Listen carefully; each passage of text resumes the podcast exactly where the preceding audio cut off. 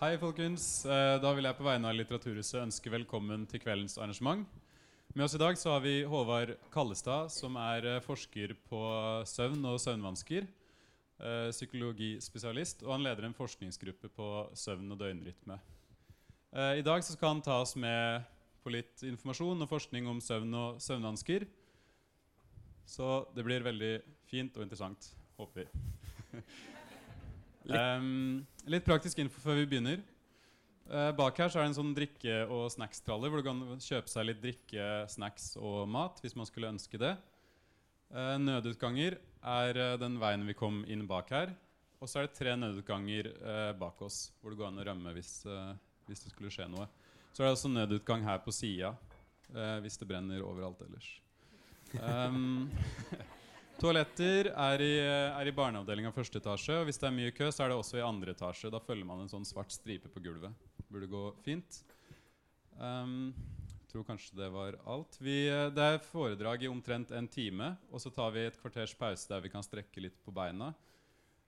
Og så er det en liten spørsmålsrunde. Så det varer opptil to timer totalt. All da sier jeg takk for meg. Varm applaus til Håvard Kallestad. Takk for det. Kan dere høre meg nå? Er det lyd på? Ja. Veldig hyggelig å være her, og veldig hyggelig at det er så mange som har, eh, som har tatt turen. Um, jeg heter Håvard, ja. Jeg har eh, eh, Skal vi se Jeg har jobbet med søvn i ca. tolv år. Så jeg si litt om Jeg har har vært med å starte opp og drive en søvnklinikk som vi har på Østmarka sykehus, der vi behandler mennesker som har kroniske søvnvansker, enten med det vi kaller for insomni, altså kronisk søvnløshet, eller døgnrytmeproblemer. Så jeg skal prøve å snakke både om søvn og om døgnrytme for dere i løpet av eh, den timen her, og det som er, vi holder på med knyttet til det.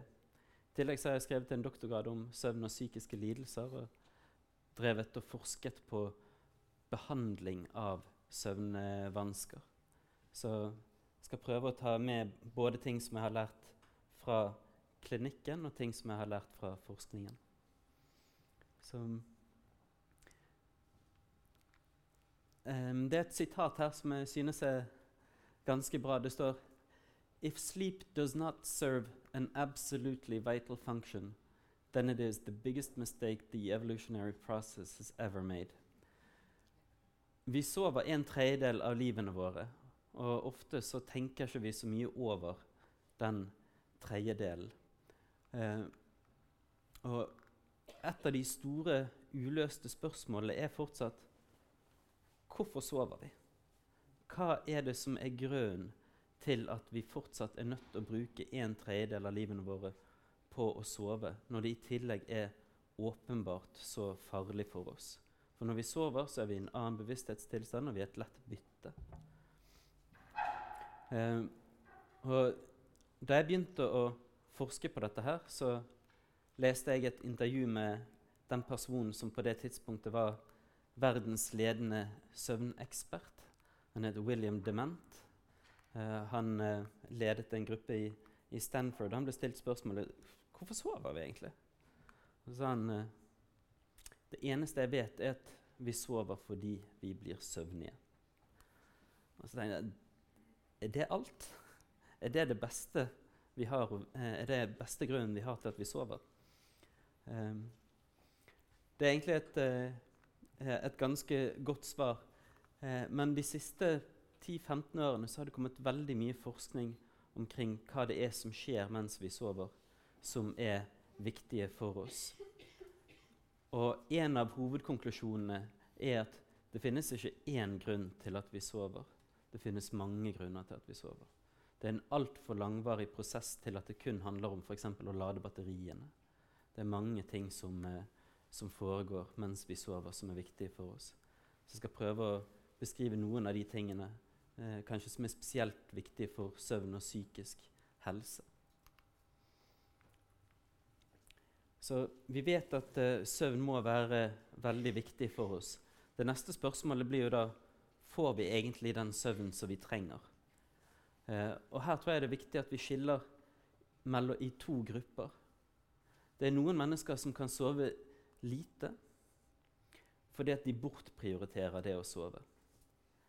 Eh, det var en eh, eh, britisk statsminister, Margaret Thatcher, som eh, har blitt eh, notorisk i søvnmiljøet fordi hun sa 'sleep is for wimps'. Altså søvn er for pyser. Uh, og det har gjerne vært en sånn holdning at uh, folk skal tøffe seg og si at de klarer med så utrolig lite søvn. og det er en del som bortprioriterer det. det er kanskje noen av dere som har opplevd at dere sitter oppe og så ser dere en episode av et TV-show på Netflix, og så tenker dere bare én episode til. Så utsetter dere det å gå og legge dere en, en liten stund. Så de som sover for lite fordi de bortprioriterer det å sove, for den gruppen er det ganske lett. De kan sove mer gjennom å gå og legge seg tidligere. Så får de sove mer. Den andre gruppen det er de som ikke klarer å sove. Eh, og det er gjerne de som eh, eh jeg har jobbet med, og de som vi tenker har Hvis det pågår over lang tid, eh, så sier vi at de har kroniske søvnvansker. Eh, så dette er mennesker som uansett hvor mye tid de har tilgjengelig, hvor mye de ligger i sengen, så klarer ikke man å sove likevel. Så det er den gruppen som jeg skal eh, fokusere på i første halvdel her. Så må vi snakke litt om, eh, om Dagbladet og litt om forsidene deres. Um, Ca. hver annen uke så har Dagbladet en forside som ser ut som dette her. Et eller annet med søvn. Eh, de har også andre temaer som de liker å skrive om, men eh, dette her er et av eh, favorittemaene. Så dette er en klassisk eh, eh, Dagbladet-forside. Én av tre sliter med søvn. Søvnvansker er en av de hyppigste helseplagene som vi har her i landet. Det er kun kroniske smerter som er mer vanlig enn søvnvansker. Så én eh, av tre er litt mange. Det, du får det svaret dersom du spør hvor mange er det som har søvnvansker sånn ca. tre-fire ganger i måneden. Da vil én av tre si ja på det. Hvis du går intervjuer folk og hører om de tilfredsstiller det vi kaller for diagnosekriterier for kronisk søvnløshet, dvs. Si at du har store vansker med innsovning eller det å klare å holde deg sovende i løpet av natten, Eh, og dette her skjer med en viss hyppighet, minst tre ganger i uken, over minst én sammenhengende måned. Og søvnvanskene skal føre til at du har en redusert funksjon i dagliglivet. Da tenker vi at du har det vi kaller for insomni. Hvis du gjør intervjuer med og prøver å finne ut hvor mange det er som har en, eh, tilfredsstiller disse kriteriene her, så vil man se at det er et sted mellom 10 og 15% av befolkningen. Så det er utrolig mange. Det er ingen Det er i hvert fall en av de aller mest hyppige psykiske lidelsene vi har, for det er klassifisert som en psykisk lidelse. Um, så ca. 10-15% av befolkningen tilfredsstiller kriteriene for dette. står det også en, at det er en voldsom økning i bruk av sovetabletter her. Spørsmålet er hvor mange nordmenn er det som bruker sovetabletter? Da var jeg inne i reseptregisteret og kikket i, uh, i går. I 2018 så var det 580 000 nordmenn som fikk foreskrevet sovemedisiner. Det er ca. 10% av befolkningen som får foreskrevet sovemedisiner i løpet av ett år. Det omsettes sovemedisiner for 350 millioner kroner her i landet. Eh, det er en annen måte å si at det er et veldig hyppig problem. For i tillegg til disse eh, 580 000 som får foreskrevet medisiner for det, så er det også veldig mange som aldri gir beskjed til helsepersonell om at de har, at de har søvnvansker. En annen ting som enhver sånn Hvis dere leser i Dagbladet eller VG eller Kvinner og klær eller hvor som helst, så er det alltid noen gode søvnråd som man kan lese. Eh, og disse her er typisk det vi kaller for søvnhygienerådgivning. Dette her er, Dere har sikkert lest eh, mange av disse her. Det er ting som Du skal ikke gå og legge deg for sulten, men du skal ikke gå og legge deg for mett. Du skal ikke legge deg for varm og ikke for kald. Skal du ikke drikke kaffe for seint opp til eh, leggetid. Og så skal du helst ikke være for aktiv før leggetid, men du skal være aktiv på dagen. Eh, det er veldig mange eh, regler for dette. her. Disse er velmente. Eneste ulempen er at de aller fleste er helt uten virksomhet. Altså, De hjelper ingenting hvis du først har fått kroniske søvnvansker. Så det er veldig mange som har lest disse her tingene her, og som har prøvd de, og så har de tenkt at jeg har prøvd alt. Det er ingenting som funker for meg. Det er ikke nødvendigvis sant. For inni blant disse her 14 gode søvnrådene så er det noe gull. Det er noen råd som er viktigere enn andre. Et av de rådene som vi har vært eh, veldig opptatt av eh, når vi driver behandling av søvnvansker, er dette med at man skal stå opp til samme tid hver eneste dag, enten det er ukedag eller helg. Det tenker vi er en av forutsetningene hvis man ønsker å gjøre noe med, med søvnvanskene. Det er mye viktigere enn når du står opp, tenker vi mye viktigere enn tidspunktet du går og legger seg. Det er mange som tenker det at og jeg skal ha en stabil døgnrytme, da må jeg gå og legge meg til samme tidspunkt. Men egentlig så handler det om å stå opp til samme tidspunkt. Men som sagt, flesteparten av disse her søvnrådene her er dessverre ikke så gode som man eh, kunne håpet på. Her er noen flere oppslag fra Dette her sto i eh, Adresseavisen for ikke så lenge siden. Her er et fra Adresseavisen for noen litt lenger. Altså, søvnproblemer kan koste deg jobben. Poenget her er at for de som sliter med søvnvansker i måneder og år, så etter hvert så opplever de at dette her får helt konkrete konsekvenser. Eh, det ene ting er at eh, antall sykemeldinger ser vi går opp. Så det blir mer og mer sykemeldinger. Og det de aller fleste som jeg har snakket med, beskriver, er at på et eller annet nivå så opplever de at søvnproblemene ødelegger livskvaliteten deres. Man går rundt og føler seg som en zombie. At det er akkurat som det er et filter mellom deg eh, og virkeligheten som gjør at ikke du klarer å få glede ut av eh, de tingene som du vanligvis får. Her står det 'dårlig søvn koster altfor mye'. Og det er da eh, basert på kostnadene knyttet til altså Det er store folkehelsekostnader knyttet til dette her også. Til et så prevalent problem. Så står det her det finnes en bedre kur mot søvnproblemer enn sovetabletter. Dessverre er det altfor få som får den beste hjelpen når de sliter med søvn. Så da er spørsmålet hva er den beste hjelpen, og hva kan vi gjøre som er annerledes enn eh, søvnhygieneråd? Så jeg skal prøve å beskrive det om litt. Når det kommer til søvn og psykiske lidelser, så vet vi at søvnvansker er veldig hyppig i den vanlige, i generelle befolkningen. Når det kommer til mennesker som har psykiske lidelser, så er det enda hyppigere. Der er det mer regel enn unntaket.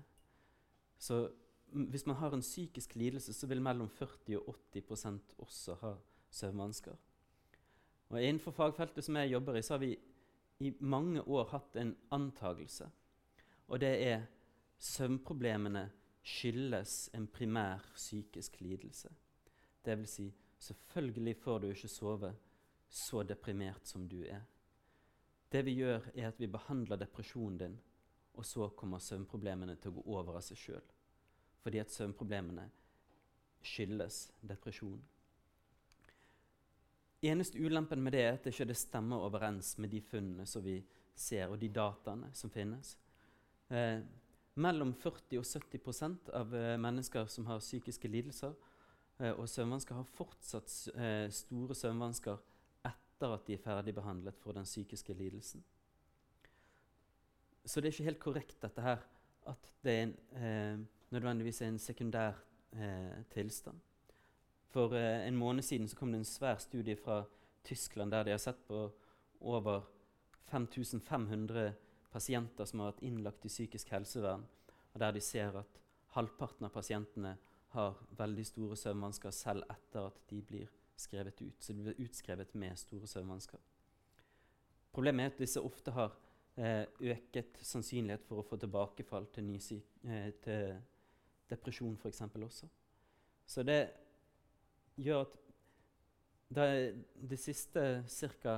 åtte-ni årene så har det skjedd en liten omveltning.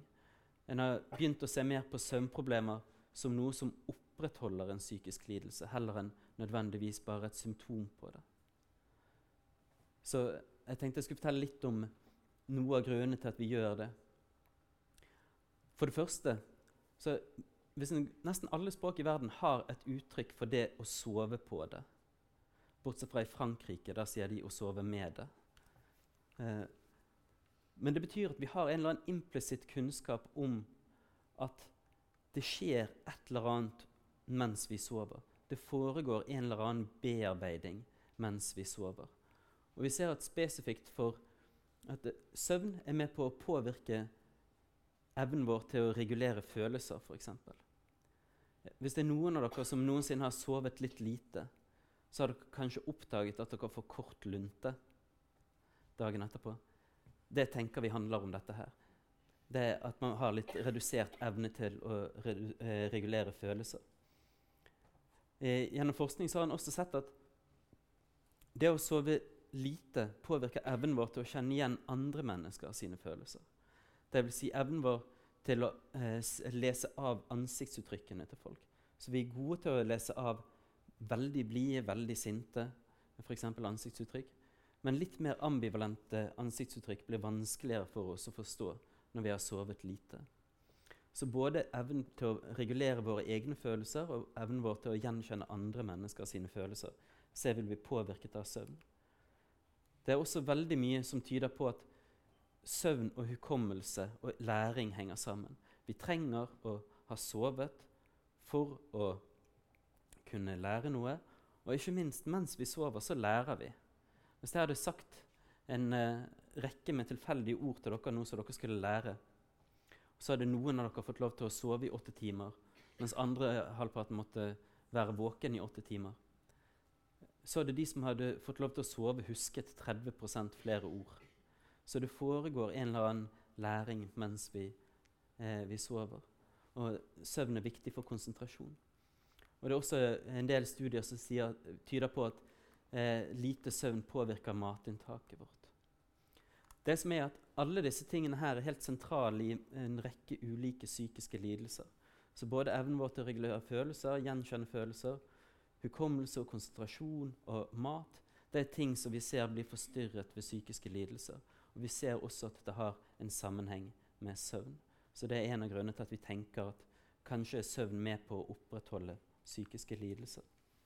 Kan også gå videre og så kan vi prøve å gi behandling for søvnvansker. Eh, og da ser en at Hvis en gir behandling av søvnvansker til mennesker som er deprimerte, så blir, får man heldigvis bedre søvn, men man får også dobbelt så høy tilfriskning fra depresjon. Så hvis man får søvn, søvnbehandling samtidig som depresjonsbehandling, så kan man gjøre depresjonsbehandlingen dobbelt så effektiv. Uh, og har, uh, Opp gjennom årene så har vi sett at denne kognitiv atferdsterapi for insomni som uh, vi jobber med det, Noe av det som er så bemerkelsesverdig, er at den funker på nesten alle. Det har ingenting å si hva som er årsaken til søvnvanskene dine. om det er om du har søvnvansker som del av depresjon eller angst eller kreft eller multippel sklerose eller hjerneskade Uansett, så lenge du har søvnvansker, så virker det som at denne behandlingen her eh, er effektiv. Så hva er det for noe? Da må vi gå litt videre til eh, Eller litt tilbake igjen til Dagbladet. Her er det en eh, dobbeltside fra Dagbladet Magasinet der det står Endelig har jeg skjønt det. Å få sove krever hardt arbeid. Kunsten å sove. Eh, dette her er en spesielt dårlig overskrift, syns jeg. Fordi det er noen ting man er nødt til å vite. Og det er at å sove krever ikke hardt arbeid. Og det er ingen kunst å sove. Derimot så er det helt motsatt. Eh, det kan gi et eksempel på at jeg hadde en eh, professor som heter Colin Espy, som gjorde en eh, undersøkelse der han intervjuet folk på gaten. Så stilte han de spørsmålet du, Hva gjør du for å få sove? Så sånn at Svarene delte seg ganske kjapt inn i to. I ene gruppen sier hva jeg gjør. Jeg, jeg går og legger meg. Hva gjør du? Um, andre gruppen sier du, det var utrolig interessant at du skulle spørre om, for nå skal du høre. Det begynner at jeg er nødt å, å roe ned fra åttetiden, og klokken ni så må jeg drikke et glass med varm melk. Og så må jeg ta et bad, og så må jeg gjøre sånn, og så må jeg gjøre sånn, og så må jeg gjøre sånn. og så må jeg gjøre sånn. Spørsmålet er hvilken av disse to gruppene her er det som har søvnvansker? Det er selvfølgelig den siste gruppen. ikke sant? Når, og det er veldig forståelig. Når man opplever at man har fått et problem, man opplever at søvn har kommet ut av kontroll, så blir man desperat etter man prøver å gjenvinne kontroll. Så man prøver å gjøre hva som helst for å få sove. Og man prøver ofte å eh, Man ligger der og tenker 'Jeg må sove, jeg må sove, jeg må sove'.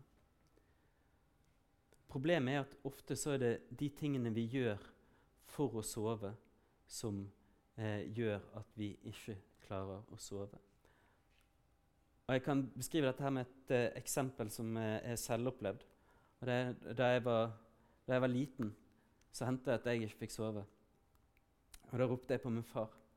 Så ropte jeg 'Pappa, jeg får ikke sove'. Så kom min far opp på soverommet til meg og så sa han, 'Du, Håvard, du skal få ti kroner av meg hvis du klarer å holde deg våken i 20 minutter til.' Så tenkte jeg 'Du er litt dum, pappa'. Dette er lettjente penger. Så begynte jeg å tenke på alt jeg kunne bruke disse her ti kronene til. Var en formue. Hva tror dere skjedde? Jeg sovnet, selvfølgelig. Det min far gjorde som, ikke, eh, som, jeg ikke var klar over, er at han utsatte meg for noe vi kaller for en paradoksal intervensjon. Det han gjorde, er at han midlertidig snudde hele prosjektet mitt. Jeg lå der og fikk ikke sove og prøvde og prøvde og prøvde å få sove. Og det går ikke, for forsøkene vi har på å sove, når vi forsøker å kontrollere innsovning, så går det ikke. Det Han gjorde var at han snudde hele prosjektet til at jeg skulle prøve å holde meg våken i stedet for. Så tok alle, han tok bort alle strategiene jeg hadde. Han tok bort alle forsøkene mine på å sove. Og da sovnet jeg. Dette er det mange som sikkert kan kjenne seg igjen i også. at Man kan slite med å sove på kvelden, men på dagen du, eller på ettermiddagen så kan det være man ikke forsøker å sove, så sovner man. Så dette her med å, å prøve å ta kontroll over sovn er noe som vi ser går igjen hos eh, alle, med psykisk, nei, alle med søvnvansker, egentlig. Det er også sånn at det er én ting det, eh, det, som er at når folk Det finnes en utrolig stor, stort antall grunner til at folk ikke klarer å sove. Jeg spør alle eh, som kommer til, eh, til meg, hva var det som skjedde da du fikk eh, søvnvansker, hvordan har dette utviklet seg? Det finnes veldig mange forskjellige svar på akkurat det spørsmålet. Hva som helst kan gjøre en søvnløs. Det som er, er at etter hvert som folk blir kronisk søvnløse, så begynner folk å bli veldig like og oppføre seg på veldig like måter. Og Det ene er at man forsøker selvfølgelig å kontrollere dette, eh, dette med innsovning. En annen ting som er veldig vanlig at man gjør, er at man begynner å tilbringe mer og mer tid våken i sengen. Man går og legger seg gjerne tidligere og tidligere. Ofte så kan man føle seg så utrolig utslitt. og Selvfølgelig må jeg gå og legge meg nå. Jeg er jo så utslitt. Men i realiteten så er man egentlig ikke søvnig. Man legger seg fordi at man er utslitt. Og det er ikke sikkert at det er tilstrekkelig for å få sove. Så vi ber alle pasienter som kommer til oss, å føre søvndagbøker. Eh, og når vi ser på disse her, så ser vi ofte at det kan være et veldig stort misforhold mellom hvor lang tid folk ligger i sengen, og hvor mye man sover. Ulempen med det er at etter hvert som man ligger våken lenge i sengen, så begynner man å assosiere sengen med våkenhet, uansett om man vil det eller ikke. Så det blir en eller annen lært assosiasjon mellom det å ligge i sengen og det å være våken, som gjør at mange kan oppleve at de, eh, de føler seg veldig trøtte, klar til å gå og legge seg. Med en gang de kommer inn på soverommet og legger seg i sengen, så er de, ding, så er de helt våken. Tenker vi at det handler om en slags lært assosiasjon mellom seng og våkenhet. Og det er vi nødt til å bryte ned i behandling. Vi er nødt til å bygge opp igjen en ny assosiasjon mellom seng og søvn. Og En av måtene vi gjør det på, er noe som vi kaller for søvnrestriksjon. Eh, det er skjematisk eh, beskrevet her. Eh, det betyr at man, vi forsøker å begrense tiden i sengen til den tiden man faktisk sover. Så det man må gjøre er at man må føre søvndagbøker i minst 14 dager hver eneste dag for å se hvor mye en eh, sover. Og så begrenser vi tiden i seng til den tiden man egentlig sover. Men må med, vi må ha de her søvndagbøkene for å finne ut av det. For hvis jeg spør dere hvordan sov du, hvor lang tid tok det til du sovnet forrige torsdag, så er det ikke sikkert at alle klarer å svare på det. Så vi trenger å ha det skrevet ned hver eneste dag. Så begrenser vi tiden i seng til den tiden man sover, men aldri mindre enn fem timer. Så her er et eksempel på en som har eh, insomni, som går og legger seg klokken 11, ligger våken en stund, sovner her, ligger våken, sover her, ligger våken, sover og ligger våken her. Så her er en som ligger i seng fra 11 til 10 på morgenen. Så det blir jo da 11 timer i sengen. Og det er noe som vi ofte ser. Ofte kan folk tilbringe nesten halve livet sitt eh, i sengen og prøve å sove. Det vi gjør, er at vi systematisk prøver å dytte sammen alle disse her bitene her med søvn. Så må vi velge et tidspunkt som vi ønsker å stå opp på, så må vi holde fast på det i åtte uker.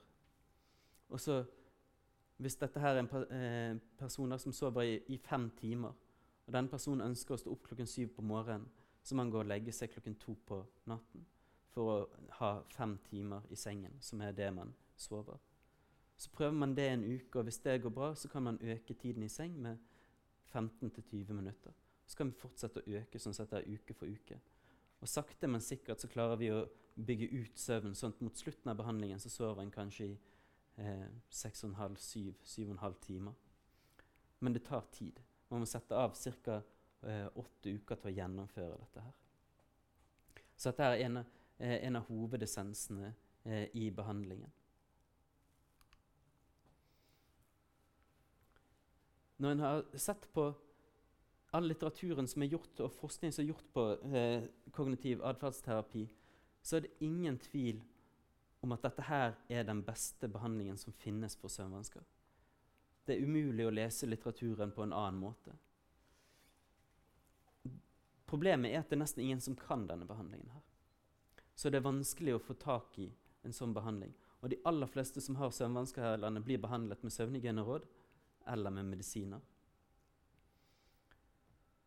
Eh, det som er Noe av det vi ønsker å gjøre på søvngruppen vår på Østmarka, er at vi ønsker å gjøre kognitiv atferdsterapi for insomni tilgjengelig til alle som har problemer med det. Og per dags dato så det, eh, har det vært eh, veldig vanskelig. Men det har blitt utviklet en digital versjon av denne her søvnbehandlingen som vi driver og forsker på nå, og som har fått bemerkelsesverdig gode resultater. Dette er en helautomatisk nettbasert eller app-basert søvnbehandling eh, som er basert på kognitiv atferdsterapi. På samme måte som du, hvis du kommer til meg, så får du en time én gang i uken i seks til åtte uker. Så her får man tilgang til nye moduler. Eh, gang i uken i seks til åtte uker. Og den personen som har laget innholdet i denne behandlingen, her, er også den samme som har laget eh, behandlingen. Eh, som har laget denne her CBTI-manualen. Eh, Så det er et veldig godt innhold. Dette er utviklet i USA, og det har blitt oversatt norsk av Folkehelseinstituttet. Og, og vi har nå, sagt, vi har fire store studier der vi undersøker effekten av det å tilby en sånn digital søvnbehandling. Vi er ferdig med noen av de, men vi har ikke helt blitt ferdig med å analysere resultatene, så vi håper å kunne publisere dette her snart. Og vi håper at hvis, er, hvis det blir gode resultater av dette, her, så er dette noe vi ønsker at skal bli tilgjengelig for alle i hele befolkningen. Så da håper vi at eh, vi har en digital behandling som er basert på psykologiske prinsipper som kan brukes til, eh, av mange. Hvis man går gjennom denne her behandlingen her, så møter man bl.a. i flere videoer Bobby. Hun har søvnvansker. Det går an å se her, tror jeg. Han ser ikke særlig blid ut. Eh, så man møter henne og går gjennom behandlingen sammen med henne. Samtidig så er det flere videoer av eksperter som forteller om ulike ting med søvn. Det er quizer. Og det som er så bra med dette programmet, her er at det tilpasser seg det du sier til det. Så behandlingen er interaktiv gjennom at den tilpasser seg det du, eh, det, de tingene du beskriver, og det du legger inn av søvndagbøker. Det kommer også opp av og til sånne her myter og fakta. Her er en myte. Søvnproblemer kan løses hvis man bare har nok viljestyrke.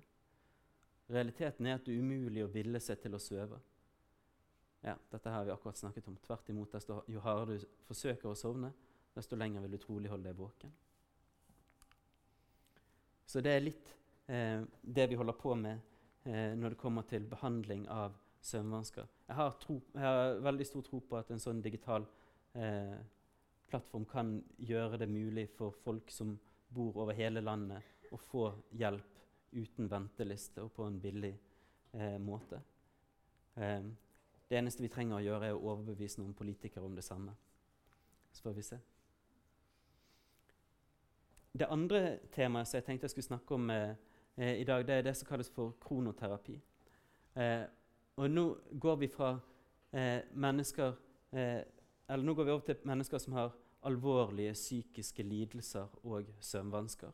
Og hva om det vi kan bruke prinsipper om søvn og døgnrytme for å bedre behandlingen til disse pasientene her.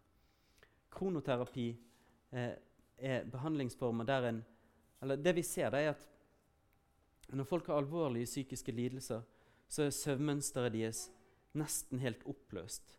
Og vi ser at det er store variasjoner fra dag til dag. Så det er akkurat som om Dette skal være en biologisk klokke. Da. Det er nesten som om denne biologiske klokken her har sluttet å fungere. Eh, og man ser at det blir eh, mye eh, forskjell fra dag til dag. Bakgrunnen for kronoterapi er eh, døgnrytme og hva som påvirker døgnrytmen vår. Um, vi har utviklet oss fra eh, på jorden her i en syklus av lys og mørke. Og alle ting som lever på jorden, er tilpasset en sånn syklus av eh, lys og mørke, eh, som eh, blir døgnrytmen eh, vår. Det er sånn at Lys og mørke har helt konkret påvirkning på døgnrytmen vår. Får vi lys på øynene på kvelden, så blir vi mer B-mennesker. Får vi lys på øynene på morgenen, så blir vi mer A-mennesker. Så lys har ulik betydning for oss på ulike tider av døgnet. Så alle dere som er B-mennesker og ønsker å være mer A-mennesker Ikke bruk datamaskiner for seint på kvelden. Du får masse lys på øynene. Vi må ha mørke på kvelden for å bli mer A-mennesker. Og så må man ha mye lys på morgenen.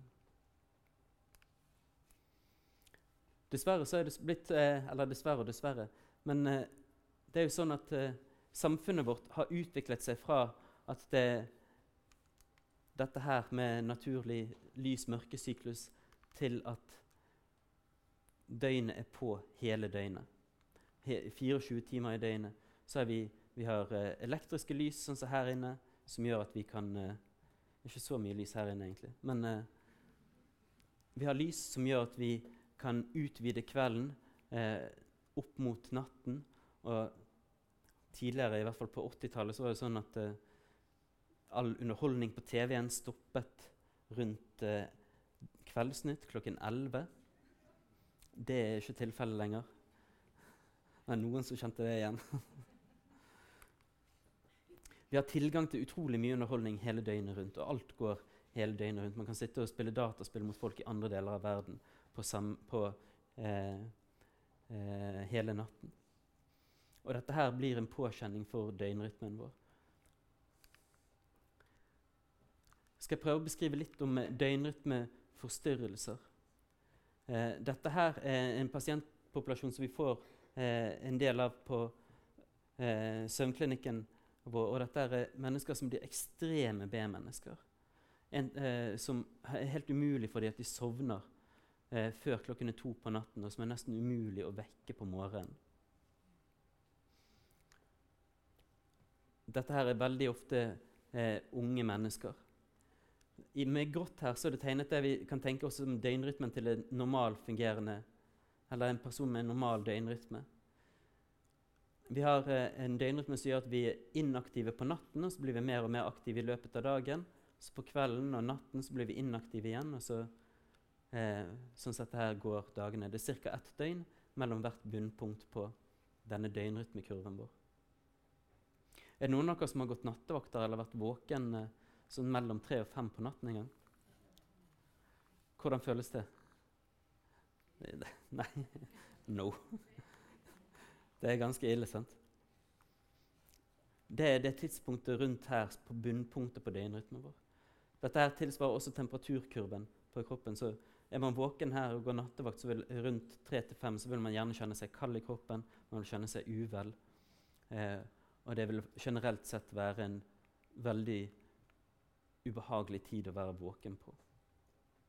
Det vi tenker med mennesker som har døgnrytmeforstyrrelser, som blir ekstreme B-mennesker, er at hele denne døgnrytmen her er forskjøvet litt. Grann. Så det er ikke det at man ikke har en døgnrytme, den er bare forskjøvet for se seinere. Sånn at uh, Ofte så er dette her ungdommer som kommer med foreldrene sine. Så vi ser at på det tidspunktet her, som blir sånn i ellevetiden på kvelden, når døgnrytmen til eh, mamma f.eks. er på vei til å gå nedover, at man blir klar til natt, så er døgnrytmen til eh, ungdommen på vei opp. Og eh, Det er like før man er på topp. Og det er ikke før mange timer seinere, kanskje langt utpå natten, at eh, ungdommen er på samme sted som det vi er eh, klokken 11. Dette her kan gi veldig store problemer for folk eh, hvis man eh, blir eh, hardt eh, rammet av det. Det kan bli veldig vanskelig å, å, komme seg opp og komme seg på skole. Eh, og det kan bli Det er mange pasienter med en sånn forsinket søvnfase som dette her, som ikke klarer å komme seg opp og få fravær fra, på mange av de første timene på videregående, og dermed aldri får vitnemål, og som faller ut av skolegang og som faller ut av arbeid. Eh, så egentlig så er det en selv om det er en veldig enkel lidelse, det, man sover på feil tid av døgnet, så kan det få store konsekvenser for den som lider av det. Så her er vi interessert i å prøve å dytte døgnrytmen bakover eh, og gjøre den mer normal. Eller mer lik den normale rytmen. Eh, og Måten vi gjør det på, er akkurat sånn som jeg skisserte her. Vi bruker veldig sterkt dagslys på morgenen, og vi bruker mørke på kvelden. Eh, for å påvirke døgnrytmen. Da, vi, da blir vi mer av mennesker. Det er også sånn at Døgnrytmen endrer seg i løpet av livet. Når vi er nyfødt, så har vi ingen døgnrytme. Etter hvert som vi blir eldre, så blir det tydelig at vi får en døgnrytme. Men så skjer det noe her som er fra ca. pubertet oppe i tidlig 20-år. Man ser at man får en markert forskyvning her. Det vil si at alle blir egentlig mer eller de aller fleste blir mer B-mennesker i, eh, i, slutten av tenårene og begynnelsen av 20-årene. Og så ser man at dette her går tilbake igjen og blir normalt eh, etter hvert som man kommer opp i 30-årene. Og jo eldre man blir, jo mer og mer A-mennesker blir man til slutt. Og hvis man er veldig uheldig og utvikler demens, så får man det samme mønsteret som eh, nyfødt. Så det er en naturlig utvikling av dette her i løpet av livet. Så da, hva er denne her kronoterapien som jeg nevnte i sted? Dette her er en samling av veldig effektive medikamentfrie tiltak som gir en veldig rask effekt på alvorlig psykisk lidelse. Man forsøker å påvirke den biologiske klokken. Og det gjør vi med lys, mørke, våkenhet og søvnfaseforskyvning. Så lysterapi har dere antageligvis hørt en del om eller vært, eh, hørt litt om. Man sitter foran en eh, dagslyslampe sånn som dette her i en halvtime hver morgen. Dette her er mange som tenker at det er litt sånn New Age-aktig. Lys. Skal vi ha krystaller også? Eh. Men det er blitt gjort veldig mange eh, forsøk på dette. Det er gjort over 70 behandlingsstudier på akkurat dette her. Og det er en bemerkelsesverdig god behandling. Det er minst like effektivt, og antageligvis mer effektivt enn antidepressiva som eh, man bruker. Så det egentlig det mest utrolige med lysterapi er at ikke vi bruker det mer. Fordi at det er nesten gratis, eh, og det er uten bivirkninger. Så dette her, sånn sett her ber vi pasienter som har døgnrytmeforstyrrelser, også å sitte på morgenen foran en sånn lysterapilampe for at man skal bli mer av mennesker. Så er det en annen ting som vi jobber med, som vi kaller for våkenterapi, eller søvndeprivasjon. Eh, og dette her, eh, når jeg leste om det første gang, så tenkte jeg at dette kan nå umulig være sant. Fordi hvis man har en alvorlig depresjon, den raskeste behandlingen av alvorlig depresjon er å være våken en natt. Dette ble beskrevet eh, første gang på 50-tallet i Tyskland, og siden har det blitt replikert flere og flere ganger over hele verden. finner systematisk det at hvis man har en alvorlig depresjon, så kan du bli frisk på én dag ved å holde deg våken. Det er ganske utrolig. Én ulempe, og det er at når du sover igjen, så blir du deprimert. Så vi kan gjøre folk friske for én dag. Men etter man fant ut dette, her, så har man begynt å tenke Prøve å finne ut av måter å få denne effekten her til å vare lenger. Eh, og det har man etter hvert funnet, og spesielt eh, et sykehus i Italia der de eh, har jobbet veldig mye med dette her. Eh, der man har funnet ut at hvis man har tre våkennetter i løpet av én uke Igjen, Man må huske på at dette er alvorlige depresjoner. Depresjon er et, eh, en eh, lidelse som Vi snakker om det som én ting, men antageligvis er det ikke én ting. Det er en stor forskjell på det vi kaller milde og moderate depresjoner, og folk som har så alvorlige depresjoner at de må legges inn på sykehus, som ikke klarer å spise, og som ikke klarer å snakke nesten fordi de er så deprimerte. Og det er den siste gruppen dette her gjelder for. Så de har funnet ut at hvis man er våken fra til, søndag til mandag, så sover man. Eh, fra tirsdag til onsdag så er man våken fra onsdag til torsdag, sover fra torsdag til fredag, og så er man våken fra fredag til lørdag igjen. Tre søvndeprivasjoner i løpet av én uke. Da vedvarer denne effekten her i opptil ni måneder. Eh, og man kombinerer det sammen med lysterapi på morgenen. Så her er noen data fra en studie som de gjorde. Dette er 141 pasienter som var innlagt med bipolar lidelse, og som var det vi kaller for behandlingsresistente. Det vil si at de svarer ikke på behandling. Uansett hvilke medisiner man, eh, prøv, man har prøvd med ulike typer medisiner, og man blir ikke bedre. Så dette er alvorlig deprimerte pasienter som ikke svarer på medisiner. Dette er pasienter som vanligvis får tilbud om eh, ECT eller elektrosjokkbehandling. Så gjennomgikk disse her tre netter med søvndeprivasjon, sånn som jeg fortalte dere. Og det man ser er at 70% av disse pasientene blir friske i løpet av den uken.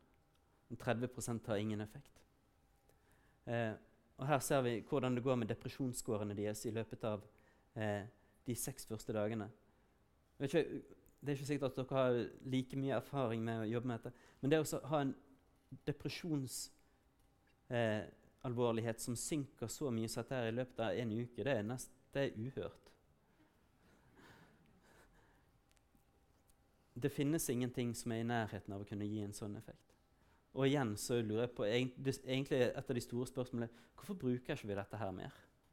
Dette her er igjen medikamentfrie tiltak for alvorlig eh, depresjon som virker i løpet av en uke. Men så vi ser de som Det er også noen som ikke responderer her, da, som ikke har noen effekt. Sånn som det er med, dessverre med nesten all behandling. De så også på suicidalitet, eller ønske om å begå selvmord. Eh, man kunne jo tenke at dette, må, dette, er jo tortur å holde folk våkne. Det er jo livsfarlig å be folk som er i høy suicidrisk å gjennomføre dette her. Men det man fant, var at suicidaliteten sank like fort og like mye. Så igjen, dette her kan være en, eh, jeg tror dette her kan være et godt behandlingsalternativ som vi bruker altfor lite. Der en bruker prinsipper om døgnrytme til å behandle alvorlig psykisk lidelse. Så det var våkenterapi. Så tenkte jeg også jeg skulle snakke om mørketerapi.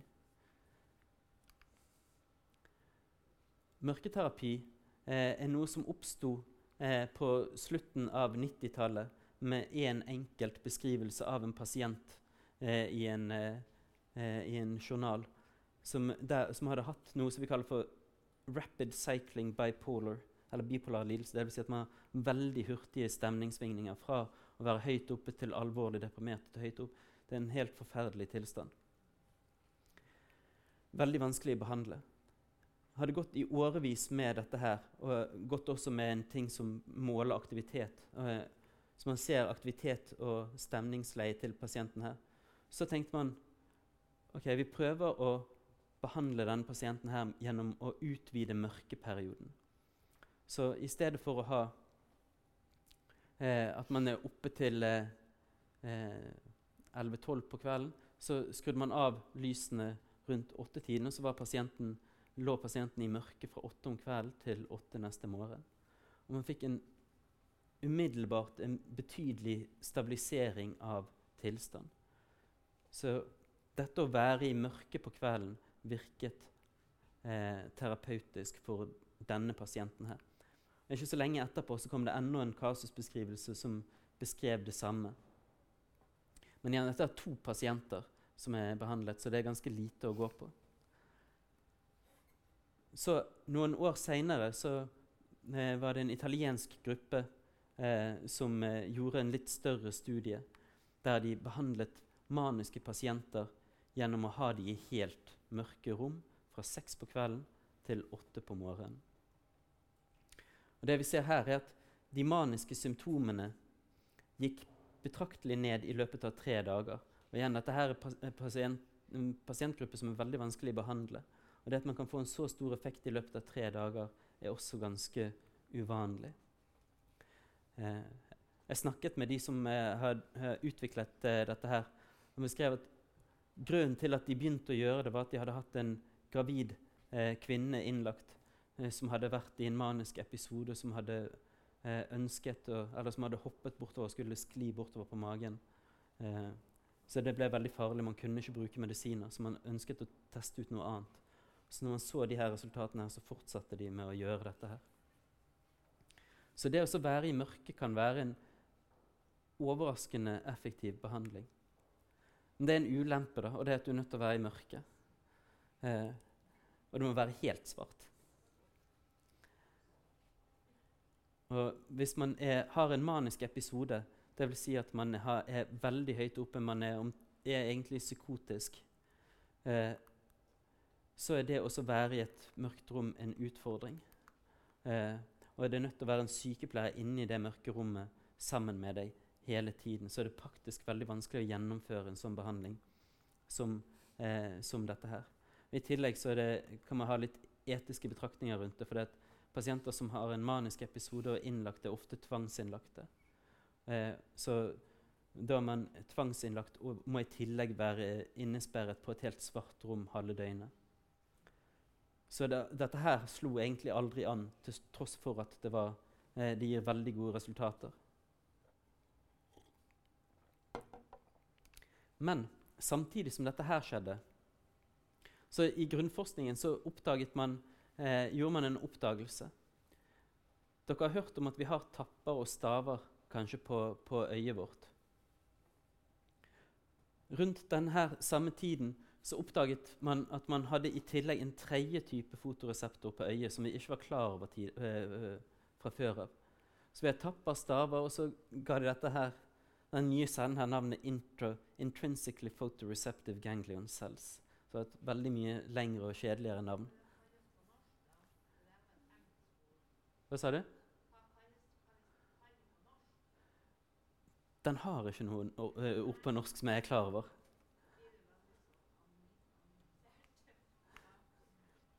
Men den heter eh, Det er en eh, lyssensitiv ganglioncelle, kan vi kalle det for. Det som er interessant med denne ganglioncellen som man oppdaget, det er at den sender signaler direkte til området i som hjernen som regulerer døgnrytmen vår. Så når denne cellen her får lys, så sendes det et signal til hjernen vår om at det er dag. Så det er en direkte en, uh, bane hit. Så jo, utforsket man dette videre, og så fant man ut at denne cellen her reagerer nesten utelukkende på blått lys. Så når vi får blått lys på øynene på kvelden, så tror kroppen at det er dag.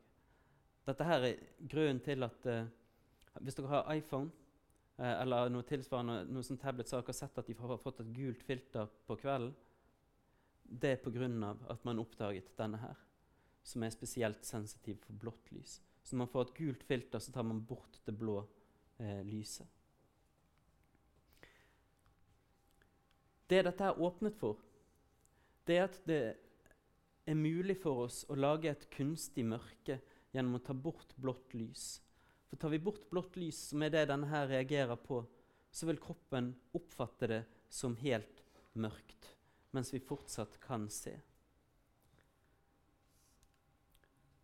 Og det har man gjort med sånne briller som dette her, som filtrerer ut eh, blått lys. Så her har vi da muligvis en løsning på dette problemet med at vi har eh, maniske pasienter som skal være i mørke. For vi kan lage et kunstig mørke gjennom å gå med sånne briller som dette her. Som var en, eh, noe som ble beskrevet i en hypoteseartikkel eh, her. Og dette her var noe som en norsk psykiater eh, gjorde for et par år siden som en av de mest bemerkelsesverdige forsøkene eh, innenfor psykisk helse som har blitt gjort de siste årene. Hun klarte å behandle maniske pasienter gjennom at de gikk med sånne blåblokkerende briller på kvelden. Hvis noen hadde sagt til meg når jeg gikk på psykologistudiet at i fremtiden så kan vi behandle mani med bruk av briller, så hadde jeg tenkt at de var litt snåle. Men det er altså da mulig pga. at man gjennom disse brillene aktiver, hemmer aktiveringen av denne her nye eh, reseptorcellen. Men det finnes utfordringer med dette her også. Og det er at det er veldig mange pasienter som ikke klarer å forholde seg til sånne briller som dette. Som driver og tar disse av og på. Som, for du er nødt til å ha dem på hele kvelden for at det skal virke. Så det er fortsatt mange som ikke klarer å bruke denne behandlingen her. Så det, når vi har laget en ny akuttpost på Østmarka, så har vi tatt dette her ett steg videre. For vi vet at hvis dere kjenner til LED-belysning Moderne LED-belysning består av en rød og en grønn og en blå lysdiode. Hvis alle sammen lyser samtidig, så blir det et hvitt lys.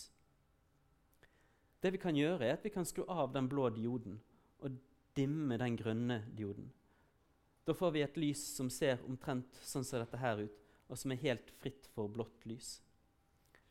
Så på den måten så kan vi lage et lys som kroppen oppfatter som mørke.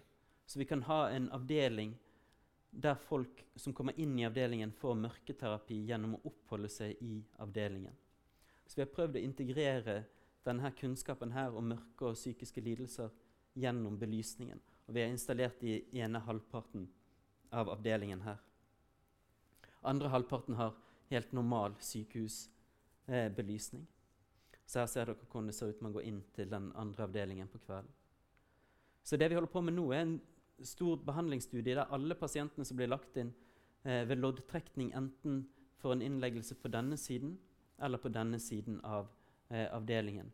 Og så ønsker vi å se om det å oppholde seg i et sånt eh, lys som dette her på kvelden kan være med på å bedre behandlingsresultatene. Vi har også inkludert lysterapi. for Et av de store problemene med lysterapi er at ikke vi ikke bruker det. Så vi har også laget dagslyslamper som er innfelt i Dette er tatt før avdelingen åpnet, men som er innfelt i spisearealet, sånn at man kan sitte og spise frokost og samtidig få eh, lysterapi. Disse lampene her er forferdelig sterke. Første gang vi skrudde de på, så fikk vi klager fra naboene som bodde 300 meter borte. Så man kan da få en mørketerapi på kvelden og en lysterapi på morgenen. Så vi vet det er veldig kraftige stimuli for å påvirke døgnrytmen til pasienter, og at de skal sove bedre. Til slutt har vi, vi har et annet problem. Eh, og det er at eh, når man får en innleggelse på eh, sykehus, så må man observeres. Og de som legges inn på eh, psykiatrisk avdeling, de får tilsyn hvert 30. minutt gjennom hele natten for å sjekke at man sover. Ulempen med det er at vi vekker pasientene hvert 30. minutt for å sjekke at de sover. En av hovedgrunnene til at man blir innlagt, er også at man skal reetablere en normal døgnrytme. Så vi har rutiner, og vi er nødt til å ha de rutinene eh, pga. sikkerhetsårsaker. Men det er også eh, fører til at vi vekker mange. Så i samarbeid med et teknologiselskap som heter Novelda her i byen, så tester vi ut en kontaktløs måte å måle søvn på eh, gjennom en bevegelsessensor som er montert i taket, som kan si om pasientene sover eller ikke i sanntid. Så det betyr at på sykepleierne kan se på en skjerm om pasientene sover eller er våken, sånn at man kan gi tilsyn til de som trenger det, og ikke vekke de som sover. Eh, og man kan også få alarmer til sånne håndholdte enheter hvis det er noen som våkner. Så dette er et annet forskningsprosjekt som vi eh, jobber med, og som vi eh, håper at skal kunne bidra til at flere folk får god behandling. Så vi hadde en eh, fyr fra NRK som var og laget en eh, reportasje for hvordan det var inne på den eh, nye akuttavdelingen. Så jeg tenkte jeg skulle spille av litt video. Nei, det er ikke lyd på dette her. her eh, det er fra et program som heter 'Viten og vilje', så nå ligger han her og venter på den lys, Lysene endrer eh, fargesammensetning sånn i eh, halv syv-tiden. Samtidig som det skjer, så har vi filter som går ned foran eh, vinduene for å hindre at dagslys skal komme inn og ødelegge effekten. Og så, sånn sett her ser da belysningen ut. Um, vi gjennomførte et uh, forsøk uh, der vi hadde friske personer som frivillig lot seg innlegge før denne avdelingen her åpnet, og som, på, uh, som vi målte på alle måter for å undersøke om det å være i en sånn belysning som dette her, om det var akseptabelt. Om det påvirket søvn, om det påvirket døgnrytme. Så Daniel, en av stipendiatene våre, samler inn spyttprøver for å måle melatonin. så det er også Eh, så her har vi en eh, Sier han Jeg har vært i dette lyset i tre timer. Jeg har blitt vant til det, og da er det ganske, veldig behagelig å være her inne. Og så har jeg blitt så døsig. Så utrolig døsig. Så etter tre timer så opplevde han i hvert fall en effekt som antageligvis var placebo, hvis du skal være ærlig. Men det viktige eh, fra denne studien her var at vi ønsket å finne ut om det var noen skadeeffekter av å være For det, det, finnes ikke så mange sykehus som har tenkt på dette her, eller som har gjort noe tilsvarende til dette her. Og heldigvis så fant vi ikke noen store bivirkninger av det. Og nå har dette vært i drift i eh, halvannet år. og det har vært ingen negative hendelser. Tvert imot så virker det som at folk er veldig fornøyd. Eh, så vi er utrolig spente på resultatene fra denne studien. Vi har ingen resultater ennå. Så Beklageligvis så håper jeg kan komme tilbake igjen seinere enten fortelle at dette her var en kjempegod idé, eller at dette her må vi slutte å gjøre. Så det er en av fordelene med Vi forsker for dette, ikke vi vet svarene, så vi får se hva dette her sier. Ja. Det var det jeg hadde tenkt å si. Så da forsto jeg at det skulle være eh, spørsmål og svar eh, etter en eh, liten pause. Så kan dere stille spørsmål hvis det er noe dere lurer på med de tingene jeg har snakket om. Så takk for meg.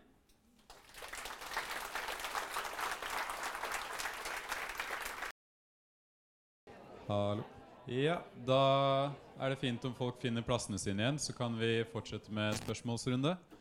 Takk for kjempefint foredrag. Veldig interessant og lærerikt. I hvert fall for meg. Eh, Da kjører vi en sånn spørsmålsrunde. Og vi gjør det på den måten at Hvis noen har spørsmål, så kan de rekke hånda opp i været. Så kommer enten jeg eller en annen person med en mikrofon til dere.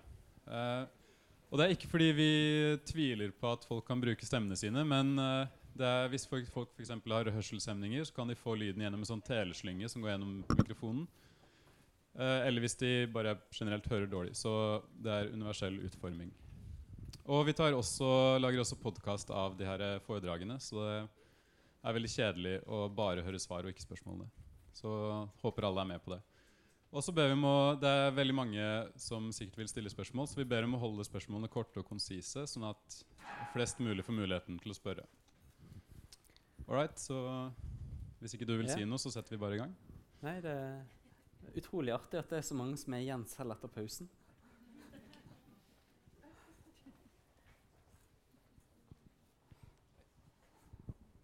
Ja, hei. Hei. Um, jeg lurer på uh, hva av de behandlingsmetodene du har snakka om nå, som kan overføres til bruk på barn? Ja, godt spørsmål. Um, det kommer an på hvor gammel eh, barna er. Så de Barn har jo også søvnvansker.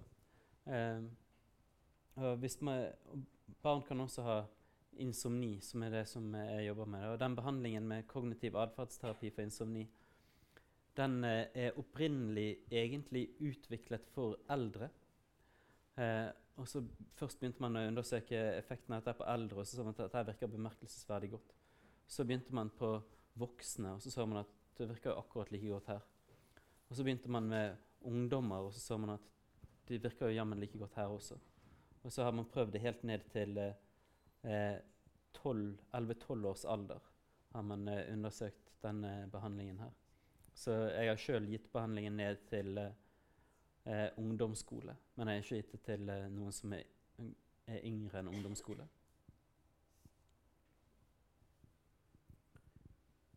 Ja. Eh, ja, hei. Du snakka om CBT som en veldig god behandlingstilnærming for søvnproblemer. Men jeg syns ikke du sa så mye om hvilke teknikker man benytter da retta mot søvnproblemer. ja. Hoved, det, som er den behandlingsformen som heter kognitiv atferdsterapi for insomni, da det er en behandling som går over seks til åtte uker. Og den inneholder eh, flere elementer. Det er snakk om ca. seks til åtte samtaletimer. Det, men hovedprinsippet, den, den viktigste biten av behandlingen, eh, var det som jeg skisserte med søvnrestriksjon. Så det er det som eh, alle som jobber med denne behandlingen her, er enige om at av alle tingene som er innhold i denne behandlingen her, så er det søvnrestriksjon. Altså det å tilbringe like mye tid i sengen som den tiden du faktisk sover, som er det som er det aller viktigste.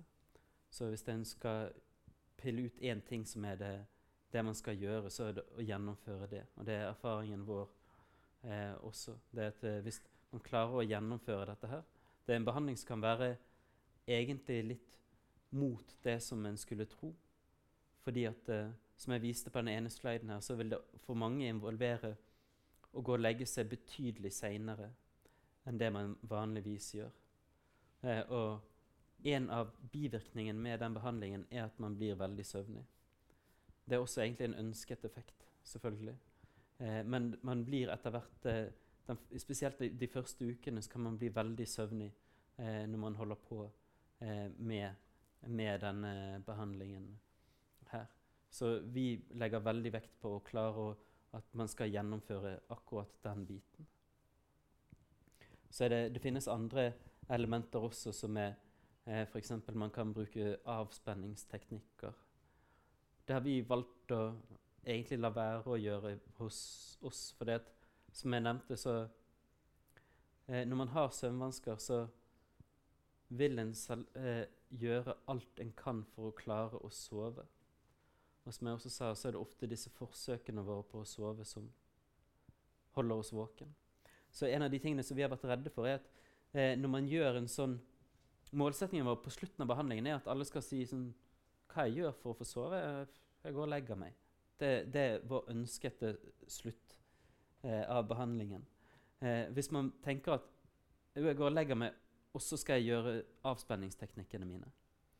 Så er man på en måte fortsatt inne i det å ha søvnvansker, fordi at man må fortsatt gjøre et eller annet for å få sove. Så akkurat dette med avspenningsteknikker kan være effektivt for mange, men vi har valgt å la være å bruke det så mye hos oss. Eh, og det finnes også eh, det er også en del opplæring om søvn og ting som jeg ikke har tid til å gå gjennom for dere her på én time eh, i dag. Men det, det, er også noe med antakelser om søvn, hva man tenker om søvn og osv. som denne behandlingen her består i. Men hovedideen er søvn, søvnrestriksjon, som egentlig burde hete sengerestriksjon. Ja. Uh, to spørsmål. Um, det ene er Jeg jobber med ungdom eller unge voksne da, som, som uh, har store søvnutfordringer. Som ikke klarer å fylle ut søvnloggen fordi at de uh, kanskje sovner en eller annen plass mellom fem og sju og har vært våken noen gang, men klarer ikke å krysse av for når. Så det er veldig vanskelig for dem å, å fylle ut en sånn søvnlogg som ja. kanskje dere ønsker. Og så den andre tingen er det å våkne til bestemt tid. sovne klokka sju La oss si at man kan våkne klokka to, da, så kan man flytte det fram til tolv etter hvert. og sånn. Men de klarer ikke å våkne, for de har ikke noen på døgnkontinuerlig basis som står og vekker og river i dem. Og de har ikke noen sjanse i havet å våkne sjøl på den faste tida som er anbefalt. Hva gjør vi da? Yes, Det var to gode og omfattende spørsmål. Eh, jeg skal ta det første spørsmålet, dette med søvndagbøker. Så vi bruker søvndagbøker mye i behandlingen. Eh, og vi er helt avhengige av det for å kunne se hvilken type søvnvansker man har, og for å kunne se hvordan virker behandlingen på deg. Eh, så dette er, Man skal føre dagbøker der en beskriver hvor, tid, eh, eh hvor mye en har sovet, når en gikk og la seg, hvor lang tid det tok til å sovne, osv., når man sto opp. Disse tingene her er viktig at man skriver på må Man skal ikke skrive dette underveis på natten. Da er det noen som tenker at ja, men hvordan jeg har jeg fått beskjed om at jeg skal legge bort klokken. Hvordan skal jeg da vite eh, alt dette her? Så disse søvndagbøkene som vi bruker, det er viktig at de skal man føre på morgenen etterpå, sånn cirka hvordan man husker forrige natt. Eh, så det ikke, og det er ikke helt essensielt at det, det, det, skal være så nøyaktig, for det er egentlig ganske vanskelig å vite om du sover eller om du er våken av og til. Så man skal føre det på morgenen sånn som man husker siste natt.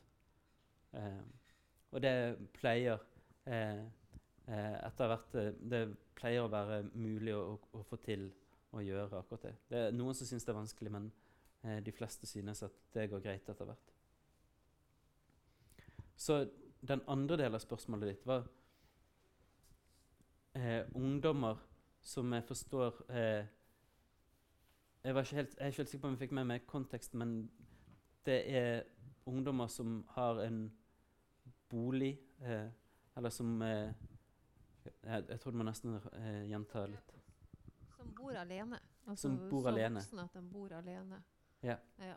Og sovner seint og ikke klarer å våkne. Ja, ok.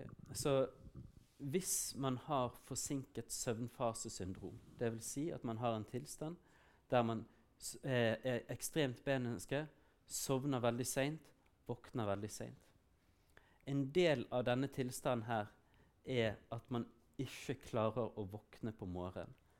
Eh, og ofte så tenker man at, har man tenkt at dette her er jo latskap. Dette er ungdom som bare gidder ikke å stå opp. Man må skjerpe seg og komme seg på, uh, komme seg på skole. Det er noe som vi var interessert i å teste. Så Vi hadde en gruppe med pasienter med forsinket søvnfasesyndrom i søvnlaboratoriet hos oss. Eh, og en kontrollgruppe som ikke hadde eh, døgnrytmeproblemer. I dette tilfellet her legestudenter. Eh, og så sov alle i laboratoriet med EEG, altså en nattlig måling av hjerneaktivitet mens man sover, som gjør at vi kan se om man sover eller ikke. Klokken syv så gikk det av en vekkerklokke. Den begynte på 72 desibel, og så ble den gradvis høyere og høyere og høyere inntil 104 desibel. 104 desibel er skikkelig høyt. Det er sånn som det er på, en, eh, på et diskotek omtrent. Eh, så det er en veldig høy lyd. Alle de som hadde normal døgnrytme, våknet av den laveste ly altså av 72 desibel. Men av de som har forsinket søvnfasesyndrom, så så vi at det var en del som ikke våknet av 104 desibel én meter fra øret sitt. Og vi vet at de sov, for vi har EEG-målinger av dem, så vi så at alle sammen sov. Og Det gjør at vi tenker at det er i hvert fall ikke latskap som gjør at eh, disse menneskene her beskriver at ja, men jeg hører ikke vekkerklokken. Jeg kommer ikke med opp. Der er det, For en del av disse pasientene her så er det noe annet. Vi er ikke helt sikre på hva det er, men vi har i hvert fall bekreftet at det er et eller annet som gjør at det er ekstremt vanskelig å våkne. Eh, så når vi behandler disse eh, pasientene her, så vi, begynner vi med at man skal stå opp på sånn som du beskrev der, ganske seint på ettermiddagen. Og så gradvis forsøker vi. Så vi begynner å stå opp i tråd med sin døgnrytme. Og hjelper lys og mørke, så kan vi klare å gradvis stå tidligere og tidligere opp. Og Hvis du gjør dette veldig gradvis, så klarer vi å sørge for at oppvåkning skjer tidligere og tidligere. Eh, men det hender at vi må ha hjelp eh, med å vekke disse pasientene her for at de skal klare å gjennomføre behandlingen. Vi er nødt til å gjøre dette samtidig som vi gjør de andre tiltakene med lys og mørke. Eh, og det hender at vi er nødt til å ha hjelp av folk som kommer hjem og vekker, eh, vekker pasientene. Så jeg vet ikke om det er helt et svar på spørsmålet ditt, men det, det er en kjent problemstilling, og vi er, vi er borti det.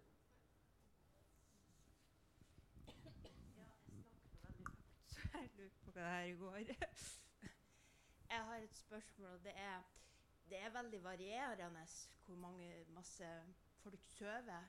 Jeg trenger veldig mye søvn i forbindelse med timer. Ja. Eh, jeg kan trenge 11-12 timer for å bli helt uthvilt. Og jeg tror nok ikke jeg er helt alene om det, å ha det på den måten. Eh, jeg bare lurer på om, om jeg er nødt til å da innstille meg på åtte timer for å få døgnet til å gå opp. For det, det går jo mye, mye i søv hvis man skal sove i tolv timer hver natt. Ja, det er det. Ja. Da går veldig mye tid med på å sove. Eh, og så er det sånn Tolv timer er Vi vet at det mest normale er at man sover Det normale er mellom seks og ni timer. Eh, så vi tenker normal søvntid. Så opptil tolv timer blir jo eh, en del. Og, og så er det noen som klarer å sove i tolv timer, men som også klarer å sove mindre. Og så er det noen som sover mye, og som igjen ikke har muligheter til å våkne tidlig engang. Så selv hvor mye vi prøver å vekke, eller noe sånt, så ser man at man sover i eh, tolv timer. Eh, det, eh, og i det siste tilfellet så kan det hende at man også da aldri helt føler seg Dette er en tilstand som vi kaller for hypersomni, er når man har et veldig stort søvnbehov der man jevnt over trenger 10-12 timer søvn hver natt, og så i tillegg Uansett egentlig hvor mye en sover, så føler han seg aldri våken på dagen. Så det er en motsatt tilstand, det er en insomni-tilstand der man uansett hvor mye man prøver, så klarer man ikke å sove. Så er dette her akkurat det motsatte problemet. Og hvorvidt dette her er et problem for hver enkelt, det er jo litt opp eh, hvordan en merker det påvirker livet eller ikke. Men det, eh, hvis man sover mye hver eneste dag eh, over lang, lang tid, så eh, tenker jeg at det er grunn til at man kan eh, snakke med fastlege eller noe om, om akkurat det problemet. Men jeg, ikke, jeg klarer ikke å svare noe bedre på akkurat det. Et spørsmål i forbindelse med akkurat det. Har du hørt om noe som kalles for, eh, kalles for Uberman sleep cycle? Ubermann sleep cycle. Eh, kort sagt så er det at man skal være veldig konsekvent med når man sover, og at man da skal liksom kutte ned mengden søvn, hvor man f.eks. sover 20 minutter seks ganger i døgnet, og det er alt. Og jeg tror den underliggende ideen er da at man skal eh, få det ned til kun rem-søvn, som om de fire andre søvnstadiene ikke har betydning i hele tatt. Det, hvis jeg skal være helt ærlig, det er noe av det dummeste jeg har hørt. Helt eh, Nei, nei, nei. Det vil jeg på ingen måte støtte. Eh, det, det er en grunn til at vi har alle søvnstadiene, tror jeg. Jeg tror vi trenger dem. Eh, og hvis du Ja, nei. Just no. Jeg lurte litt på Du har gjennomgått de eh, 68 ukene på et kurs Mm. og kommet deg inn på normal rytme. Har man noe kunnskap på hvor lenge det vil holde? Ehm, vi har eh, undersøkt eh, sånn som Den nettbaserte behandlingen som jeg skisserte, den har vi undersøkt effekten av i foreløpig inntil 18 måneder. Så vi ser at eh, eh, de aller, aller fleste studiene på den behandlingen har undersøkt inntil seks måneder etter behandlingen er avsluttet.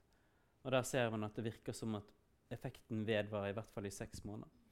Så de studiene som har kommet med lengre oppfølging, med 12 og med 18 måneder, de virker også som at for de fleste så vedvarer effekten. Men det er alltid noen som har tilbakefall. Det som er noe av tanken med denne behandlingen, her, er at man skal lære en teknikk for å forholde seg til søvnvansker på en annen måte. For det at, som jeg sa, hva som helst kan egentlig gi søvnvansker. er det kan godt hende at vi får søvnvansker også på et senere tidspunkt i livet. Men da er tanken at man må bruke disse teknikkene eh, om igjen som man har lært. For det, hvis de er, det er ikke sånn at de slutter å være effektive eh, med tid. Men som sagt, det, det, de fleste har god langtidseffekt, og, men eh, det vil for mange komme stressende situasjoner som kan utløse nye perioder med søvnløshet. Hei, Håvard. Takk for eh, fint foredrag. Takk. Um, hvordan kan man tenke, eller hva vet man i dag om, om utvikling av insomni eh, psykologisk sett? Altså, hva er vanlige psykologiske årsaker til at man utvikler det? Og da tenker jeg spesielt på der det også er samtidige psykiske lidelser, sånn at det ikke er hjerneorganisk. på en måte. Eh, og spesifikt så lurer jeg jo på Eh, hva, hva er felles erfaringer? Altså, er det omsorgssvikt, eller er det traumatiske opplevelser? Ja, sånn som jeg, jeg nevnte, så kan I min erfaring så kan absolutt alt gi søvnvansker. Man kan få søvnvansker hvis man har vært utsatt for noe traumatisk. Man kan få søvnvansker hvis man er utsatt for noe stressende. Man kan få søvnvansker hvis man er veldig forelsket. Man kan få søvnvansker eh, av å få en ny jobb. Kan, det, det er så utrolig mange grunner til at man kan få søvnvansker. Så jeg klarer egentlig ikke å helt si at det er noen sånn spesifikke ting. Hvis det, det er én gruppe som går igjen, eller én type ting som kanskje går mer igjen enn noe annet, og det er at eh, eh, man har eh, blitt mamma, og så har man mistet søvn eh, i spedbarnsperioden. Eh, hatt eh, veldig dårlig søvn da, og det, akkurat det er vel ikke uvanlig. Så er det noen som opplever at etter hvert som ungene begynner å sove godt, så klarer ikke foreldrene, som oftest mor, å sove godt. Så selv om det, det har vært en helt tydelig ting som utløser søvnvansker, men det kan også være smerter, eh, og så ser man at den opprinnelige årsaken kan forsvinne, og så fortsetter man å ha søvnvansker etterpå. Eh, så det som er at eh, Vi har sett at sagt, det er veldig mange ting som kan utløse søvnvansker. Men når folk først har fått kroniske søvnvansker, så begynner folk å være bemerkelsesverdig like igjen. Så det er de tingene som folk gjør som er likt, sånn som det å stresse med å klare å sove, eller det å tilbringe mye tid i sengen, og en del sånne ting som vi jobber med i behandlingen. Så finnes det en del ting som eh, predisponerer, som gjør, gjør at du har en øket risiko for å få søvnvansker. Det kan være f.eks. personlighetstrekk. Sånn som vi vet at eh, perfeksjonisme er et trekk som kan disponere for at du får eh, søvnvansker.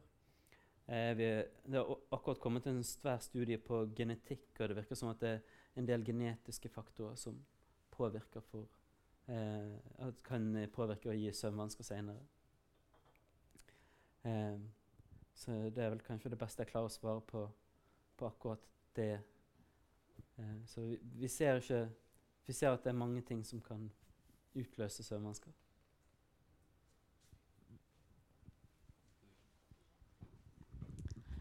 Eh, hei. Eh, du snakka litt om dem som går nattevakt, og hvor fælt det kan være de der eh, tre til fem-tida når man blir sånn frossen og urven og fæl. Um, og jeg har òg hørt at det er da de aller fleste sykehustabbene gjøres. Hva kan dere søvntrollmenn gjøre for folk som må gå nattevakt? Det spørsmålet håpet jeg på at uh, jeg ikke skulle få. Takk. Nei um, Nattevakt eh, For det første, så hvis man har søvnvansker og går nattevakt, så er det den eneste typen ting som vi ikke kan gi denne her behandlingen til. For behandlingen vår kan kun gis dersom du har mulighet til å stå opp til samme tid hver eneste dag. Så skiftarbeid er det eneste som vi ekskluderer. Ellers så ser vi på om du har søvnvansker. Eh, om det finnes ting vi kan gjøre for å unngå eh, at det skal bli så tungt å gå eh, skiftarbeid. Så det er ikke helt mitt eh, spesialområde, dessverre. Så man har jo undersøkt i oljesektoren så går man litt lengre perioder eh, med nattevakter, sånn at man skal rekke å snu om hele døgnrytmen. Og på den måten så gjør man også færre feil, f.eks. På, på kvelden. Så hvis man går en hel uke eller to hele uker med, med nattevakt, så etter hvert så vil man snu døgnrytmen sånn at det føles naturlig å være våken på natten. Ulempen med det er selvfølgelig at du, du har gjerne fire uker fri etter to uker på, på plattform. Og så bruker du tre av de ukene på å komme tilbake igjen til normal døgnrytme. Um, så men utenom det så har jeg har ikke så mange gode svar på, eh, på akkurat det. Vi vet at det er en eh, utfordring. Kaffe eh, vil jeg anbefale på, på akkurat dette her. Og det er noe som tyder på at kanskje det å ta noen små dupper hvis man kan, hvis man går nattevakt. Eh, Jeg spør på vegne av noen på jobb som er spent på svaret ditt nå. Eh, trau stort traumetrykk har ført til store søvnvansker. De har blitt kronisk over mange år. Det er det samme som å sovne seint, sovne klokka sju om morgenen og sove hele dagen. Eh, hvis man ikke er rede til å bearbeide traumetrykket eh, Og søvnvanskene gjør det jo enda verre, og gjør kanskje motivasjonen enda vanskeligere. Finnes det muligheter å jobbe med søvn og snu den først? Ja, absolutt. Helt klart. og det kan dere hjelpe med i på Østmarka. Eh, for å ta det første, så ehm, Ja. Eh, det er en, et spørsmål som vi egentlig eh, skal teste ut i et veldig stort forskningsprosjekt som begynner nå. For vanligvis, som jeg nevnte, så har vi tenkt at eh, søvnvanskene skyldes den psykiske lidelsen. Så behandler vi den psykiske lidelsen først, og så ser, skal søvnvanskene gå over. Eh, med denne her nettbaserte behandlingen som jeg skisserte, så har vi for første gang muligheten til å tilby søvnbehandling til store grupper. Så det vi skal starte med et prosjekt nå, er at vi skal allerede mens du står på venteliste til å få, psykisk, til å få hjelp i psykisk helsevern, så vil man kunne begynne på å egentlig fullføre en hel søvnbehandling før en får første time eh, for psykisk lidelse. Så da skal vi undersøke om det er mulig, det du spør om der, egentlig. Og jeg tror, så Spørsmålet er hva skjer med den psykiske lidelsen hvis du først behandler søvnvanskene før du får annen behandling for psykisk lidelse? Jeg er jo litt uh, um, biased, som det heter i dette. Så jeg har jo en tanke om at uh, jeg tror ikke at det skader å sove godt når du skal begynne på en del behandling. Og jeg tror at det er mange som får dårligere utbytte av behandling fordi at de sover veldig dårlig underveis. Så eh, det blir veldig spennende å se om akkurat det holder eh, holder stikk. da. Men når du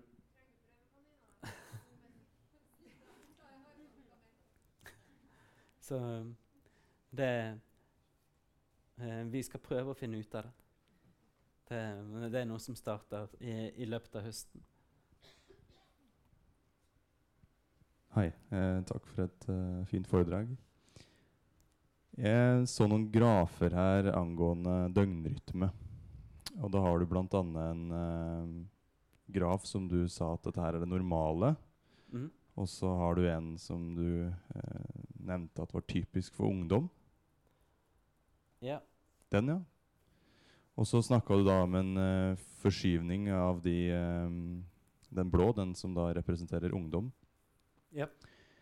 Og så nevnte du da videre at det som skjer da, at det eh, kanskje de voksne og, eller ungdom i huset da, eh, i et familiesituasjon blir da usynkront. Yep. Det, og det kan skape noen problemer. Yep. Og så prater du at eh, du vil gjerne flytte dette her eh, tilbake. eh, Skyve det tilbake. Men så viste du etterpå et bilde der vi ser at det er helt naturlig at når vi ender opp i pubertet og tenåra, så får vi en forskyvning. Så Ja. det ble Nei, det sånn det var sånn en, eh, en liten, et liten eh, rettelse her. Dette her er for pasienter som har forsinket søvnfasesyndrom. Ikke nødvendigvis ungdommer. Okay. Men de fleste som har forsinket søvnfasesyndrom, er ungdommer. Ja. Så dette her er døgnrytmen som er tegnet, eh, som er tegnet opp her med svart. Det er døgnrytmen gjerne til en person som er sånn som ble beskrevet bak her, som ikke klarer å sovne før i tre-fire-tiden, fem-tiden kanskje på natten, og som ikke klarer å våkne på morgenen, og som dermed faller ut av skole, faller ut av eh, arbeid så, av den slags. Og når det går så mye utover funksjonsnivået ditt at ikke du klarer å holde på jobb, ikke, så tenker vi at da er det blitt et så stort problem at vi må prøve å behandle det. Og da forsøker vi å skyve det tilbake igjen. Ok, Så da er det mange timers forskyvning. Det er ikke bare en naturlig forskjell på voksne ungdommer, da. Nei. Nei. Dette, her, dette her blir eh, Her er vi over i det som vi kaller for sykdom. Ja. Altså at det, blir, eh, at det er et så stort problem at vi må behandle det. Ja, takk.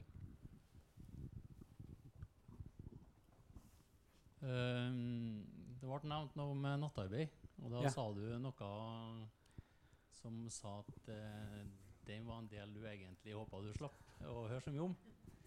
Uh, Ikke høre så mye, men jeg, jeg kan dessverre ikke så mye om det. Nei, jeg skjønner den. Uh, men tanken min rundt nattarbeid er jo det at man egentlig, hvis man har et søvnproblem, må kjøre eh, nattmodus egentlig på dagene du har fri òg. For da kan Ja. du følge det mønsteret ditt. Ja, Det det har vært en tanke dere tenker på. Ja. For det er jo, Du snakka om at eh, det her var noe du egentlig ikke var så enkelt å gjøre noe med. Men da må man jo egentlig snu og være våken eh, på natta på de dagene du har fri. Ja. Da følger du faktisk prinsippet ditt. Ja. Nei, det går. Døgnrytme. Så hvis man har mulighet til Det er mange som ikke har mulighet til å, å fortsette på nattrytme pga. Eh, sosiale og familiære forhold. Hvis man har muligheten til det, og hele familien er, er nattarbeidere, så, så er det helt supert. For jeg er helt enig med deg. Eh, problemet oppstår jo når det blir et misforhold, sånn som du også var inne på.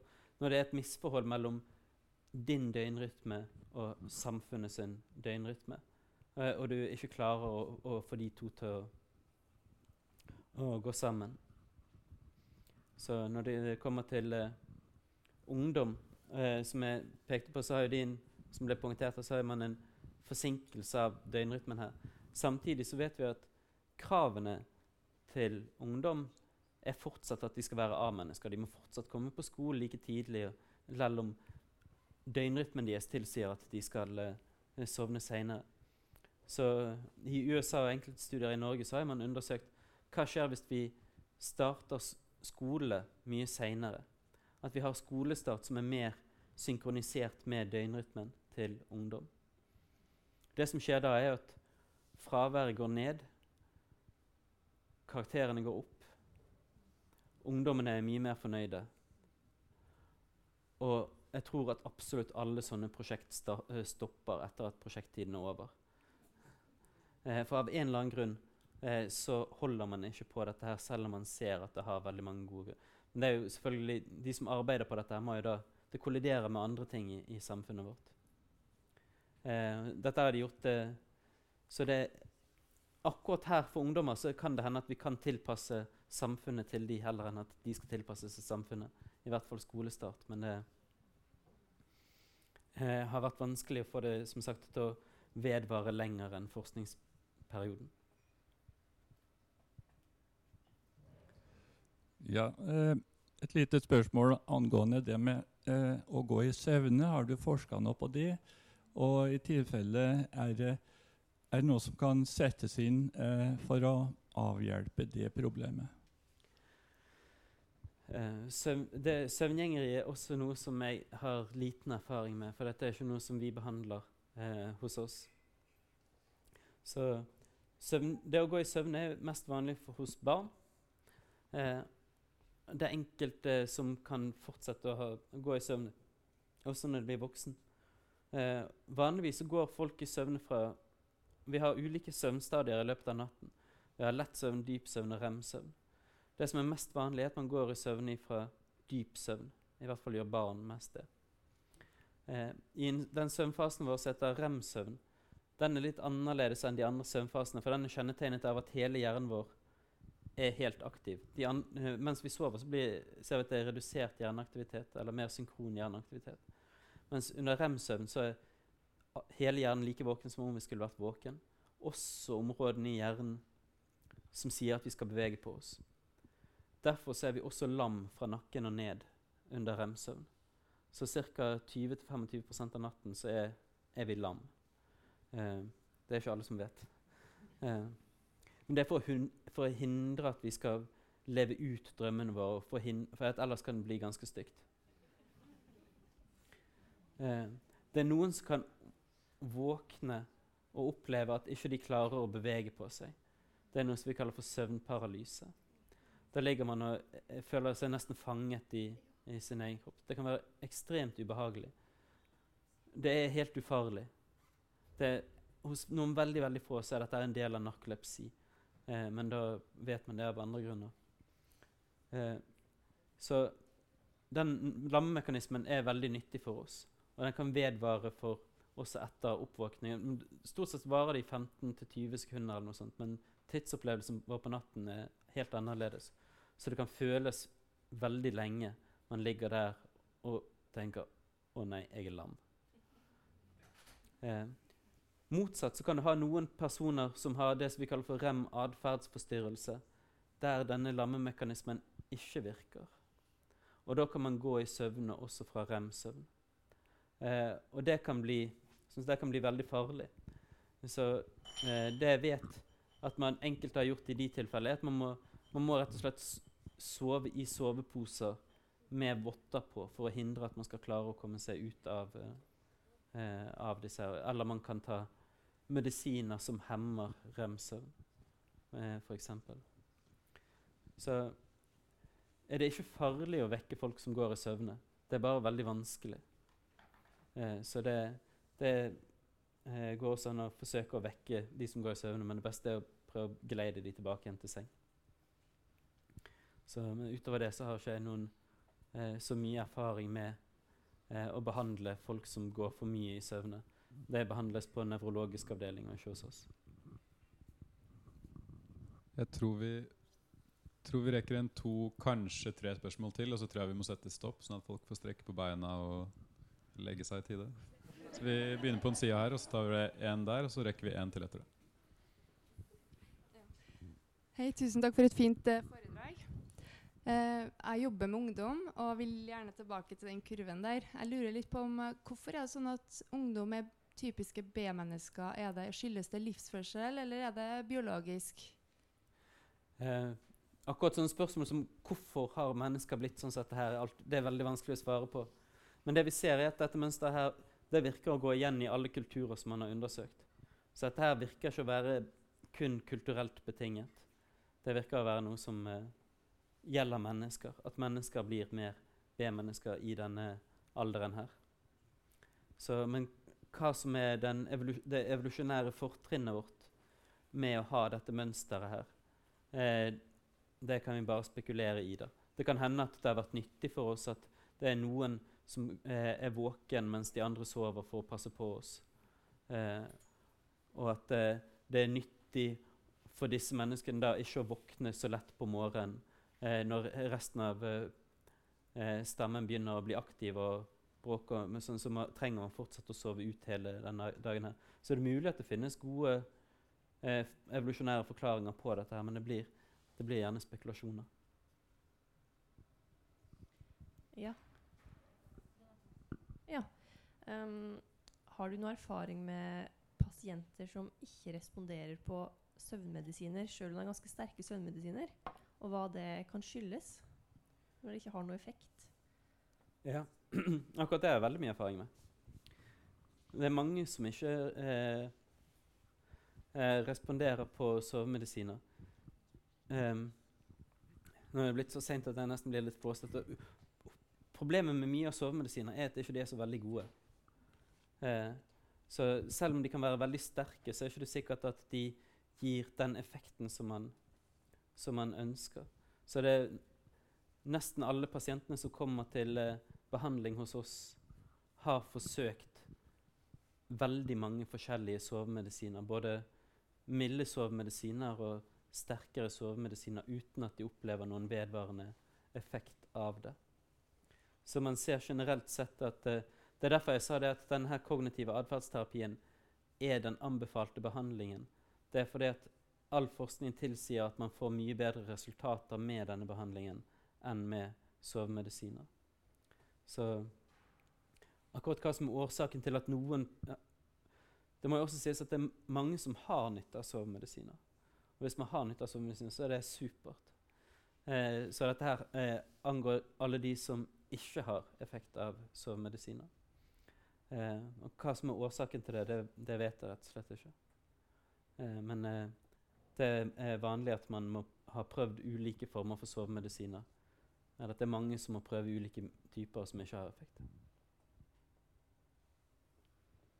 Eh, jeg tror kanskje det er nå.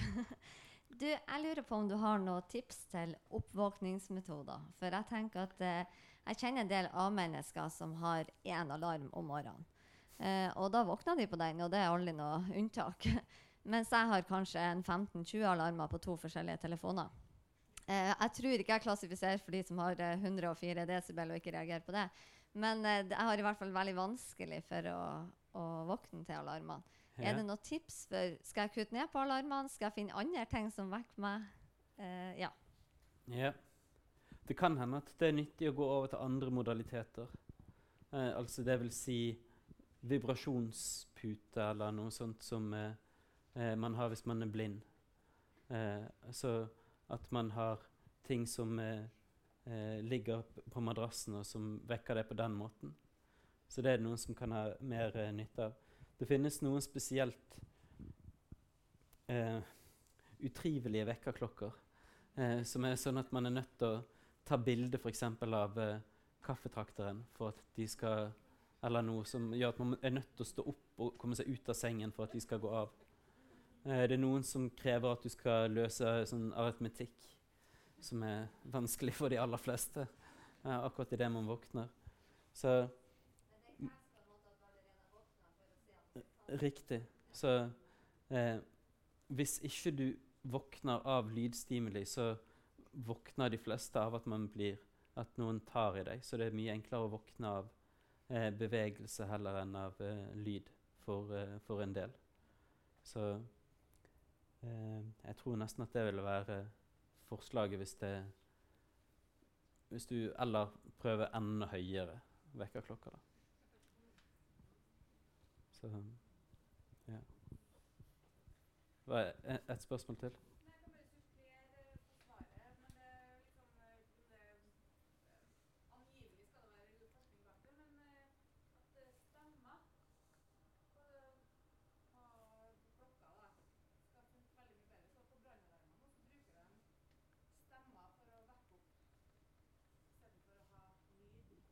Ja, det kjenner ikke jeg til, men det er mulig.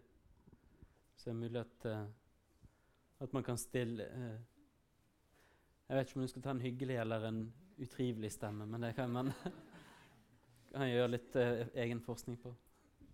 Så det, det er godt mulig at stemmer At vi reagerer annerledes på det. Mm. Ja. En til. Lys, ja. Eh, lys kan eh, gjøre det mer behagelig å våkne for enkelte. Det finnes sånne her wake up light, så, eller noen ting som skal vekke deg. Eh, som lager en slags sånn eh, Blir gradvis lysere og lysere på morgenen. Som kan være veldig behagelig. Jeg tviler Erfaringen min tilsier at hvis ikke du våkner av veldig høye vekkerklokker, så våkner ikke du av at det blir lysere i, i rommet heller. Men det kan hende at begge deler samtidig kan være, eh, kan være nyttig. Ja. Var det noen flere spørsmål da?